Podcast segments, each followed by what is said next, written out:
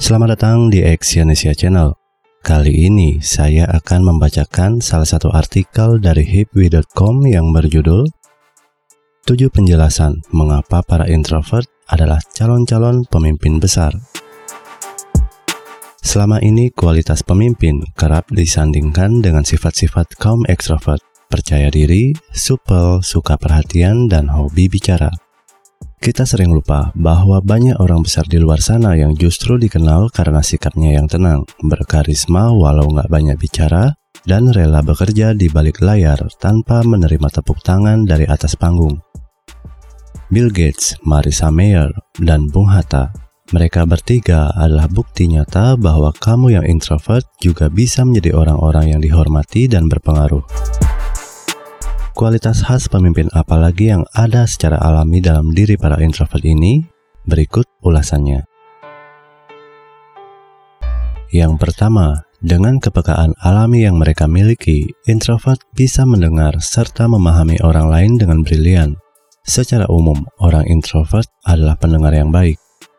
Bukan karena mereka terlalu pemalu untuk mengekspresikan pendapatnya, namun karena kepekaan mereka pada lingkungan sekitar membuat mereka mudah saja menyimak dan memahami apa yang orang lain katakan.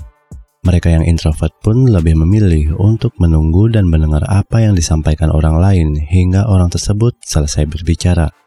Mereka tidak pernah merasa harus terburu-buru menambahkan pendapatnya. Dengan mendengar, mereka jadi lebih tahu apa yang dibutuhkan oleh orang lain, termasuk atasan maupun bawahannya. Dan seperti yang kita ketahui, seorang pemimpin yang bijaksana harus peka terhadap apa yang dibutuhkan rakyat atau stafnya. Yang kedua, kebiasaan berpikir sebelum bertindak membuat mereka tak sembarangan dalam menghadapi tantangan. Tidak seperti ekstrovert yang easygoing dan serba spontan. Seorang introvert tidak akan mau terburu-buru terjun ke suatu jurang sebelum mengetahui seberapa dalam lubangnya dia akan menggunakan sumber daya yang ia punya, entah itu sahabat karib atau mentor, untuk menyusun strategi dengan matang dan menggali informasi lebih dalam. Alhasil, ketika sudah terjun ke dalam lubang tersebut, mereka sudah punya informasi dan strategi yang bisa menjadi bekal mereka bertahan di lubang itu selama berhari-hari. Ini bukan berarti bahwa kerja spontan ala ekstrovert itu buruk. Namun, bukankah masalah-masalah yang pelik memang sepatutnya diselesaikan dengan strategi dan pemikiran yang dalam? Seorang introvert akan terlatih untuk menelisik masalah dengan hati-hati. Bukankah itu suatu kelebihan? Yang ketiga, kepribadian mereka yang tenang dan dalam adalah amunisi untuk menyelesaikan suatu permasalahan hingga ke akar. Seperti seorang seniman, introvert cenderung memiliki kepribadian yang dalam, Misalnya, ketika dia baru ketemu kamu, dia tidak akan puas hanya mengobrol basa-basi denganmu. Dia akan berusaha membawa pembicaraan ke topik yang lebih personal, karena tak mau hanya mengenalmu secara dangkal. Kecenderungan untuk menyikapi segala hal dengan lebih dalam ini tak ternilai harganya ketika dibawa ke dalam metode pemecahan masalah. Pemimpin introvert akan berusaha menggali berbagai macam sisi dari suatu permasalahan yang sedang ia hadapi. Mereka tidak akan puas dengan informasi-informasi yang tak lengkap, alias setengah-setengah. Mereka akan berusaha menambah pemahaman tentang suatu permasalahan, dan ini pada akhirnya bisa membantu mereka menemukan solusi terbaik dari masalah tersebut.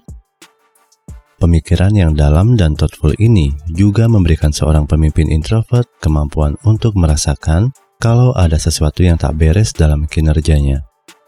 Mereka pun bisa mengantisipasi atau mengidentifikasi masalah sebelum menyelesaikannya secara sempurna. Yang keempat, terbiasa bekerja sendirian. Orang introvert sudah pasti bisa diandalkan. Ketika banyak orang takut mengerjakan apa-apa sendirian, mereka yang introvert justru menikmati bekerja sendiri Kesendirian akan memberinya kesempatan buat tenang dan lebih fokus. Selain itu, orang introvert sangat menyukai kesendirian karena mereka menyukai introspeksi diri, melihat diri sendiri untuk mencari kekurangan dan memperbaiki diri. Introvert punya kekuatan dari dalam dirinya untuk melahirkan ide, perspektif baru, dan solusi. Waktu yang tenang saat menyendiri sangat penting untuk melahirkan ide bagi mereka. Kemampuan unggulan mereka yang introvert adalah level fokus yang tak tertandingi. Saat orang lain mudah teralihkan pikirannya oleh video lucu di YouTube atau Facebook, orang introvert bisa lebih tetap fokus pada pekerjaan mereka. Yang kelima, sebagaimana es, kepala mereka akan tetap dingin di tengah suasana yang panas. Introvert punya energi yang menghadirkan ketenangan, bukan meledak-ledak seperti ekstrovert. Dalam percakapan yang memanas, introvert enggak memaksakan diri untuk didengar. Mereka tetap berada pada zonanya, tenang dan menyimak. Lalu, bagaimana dengan kepemimpinannya jika dia hanya diam? Diam bukan berarti mereka tidak memahami apa-apa. Justru yang dibutuhkan adalah kehadirannya yang menenangkan suasana. Pemimpin introvert akan sebisa mungkin menjaga kepalanya tetap dingin, di tengah keadaan yang memanas, mereka justru menampilkan ketenangan, percaya diri, dan meyakinkan. Seperti Presiden Obama, orang introvert tetap bicara dengan perlahan dan lembut meskipun suasana semakin panas. Yang keenam, karena keahlian bicara bukan kartu traf mereka, kemampuan menulis para introvert biasanya di atas rata-rata. Menjadi introvert nggak menjadikan mereka sebagai orang yang punya skill komunikasi yang buruk sama sekali. Melalui tulisan, seorang introvert akan lebih jelas dan sering mengekspresikan apa yang ada di dalam kepalanya. Di tengah dunia yang makin tergila-gila dengan teknologi, kebiasaan untuk menulis mungkin terlihat kuno. Namun percayalah, dengan skill menulis yang memadai, orang introvert justru bisa berkomunikasi dengan jelas dan langsung pada intinya. Pemimpin introvert cenderung menyukai menulis daripada berbicara. Kenyamanannya untuk menulis sering kali menghasilkan elaborasi sebuah hal dengan lebih jelas. Kenyamanannya untuk menulis sering kali menghasilkan elaborasi sebuah hal dengan lebih jelas. Yang ketujuh, mereka secara alami sudah punya karakter seorang pemimpin. Tidak bisa berdiam diri dan tak pernah cepat puas. Orang introvert tak akan mau jemawa dan cepat puas dengan apa yang telah ia peroleh. Hasrat dan rasa lapar untuk berimprovisasi secara berkelanjutan ini bisa menjadi keuntungan bagi bisnis yang mereka jalankan. Kalaupun belum menjadi bos, atasan para introvert pasti senang kalau karyawannya selalu memperbaiki diri. Mereka yang introvert kemungkinan besar dapat mengidentifikasi perihal apa yang harus ditingkatkan kinerjanya Kesadaran dan fokus tinggi semacam ini akan menjadi kualitas penting dalam perkembangannya menjadi seorang pemimpin. Mereka akan memotivasi dan menantang bawahannya untuk berusaha menyamai apa yang ia lakukan dengan mengevaluasi dirinya sendiri.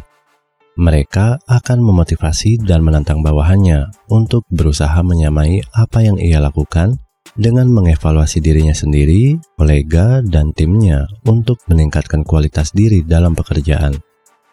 Jika kamu seorang introvert yang kebetulan lagi mendengarkan audio artikel ini, kamu nggak boleh jumawa. Nggak ada jaminan kalau kamu bakal jadi pemimpin besar tanpa kerja keras, kemauan belajar, dan hasrat untuk jadi lebih baik daripada sebelumnya. Pertanyaannya sekarang, sudah siapkah kamu mulai mengasah talenta alamimu ini? Terima kasih telah mendengarkan audio artikel ini dan silakan cek link di bawah untuk membaca artikel yang saya bacakan ini di hipwi.com. Salam sukses.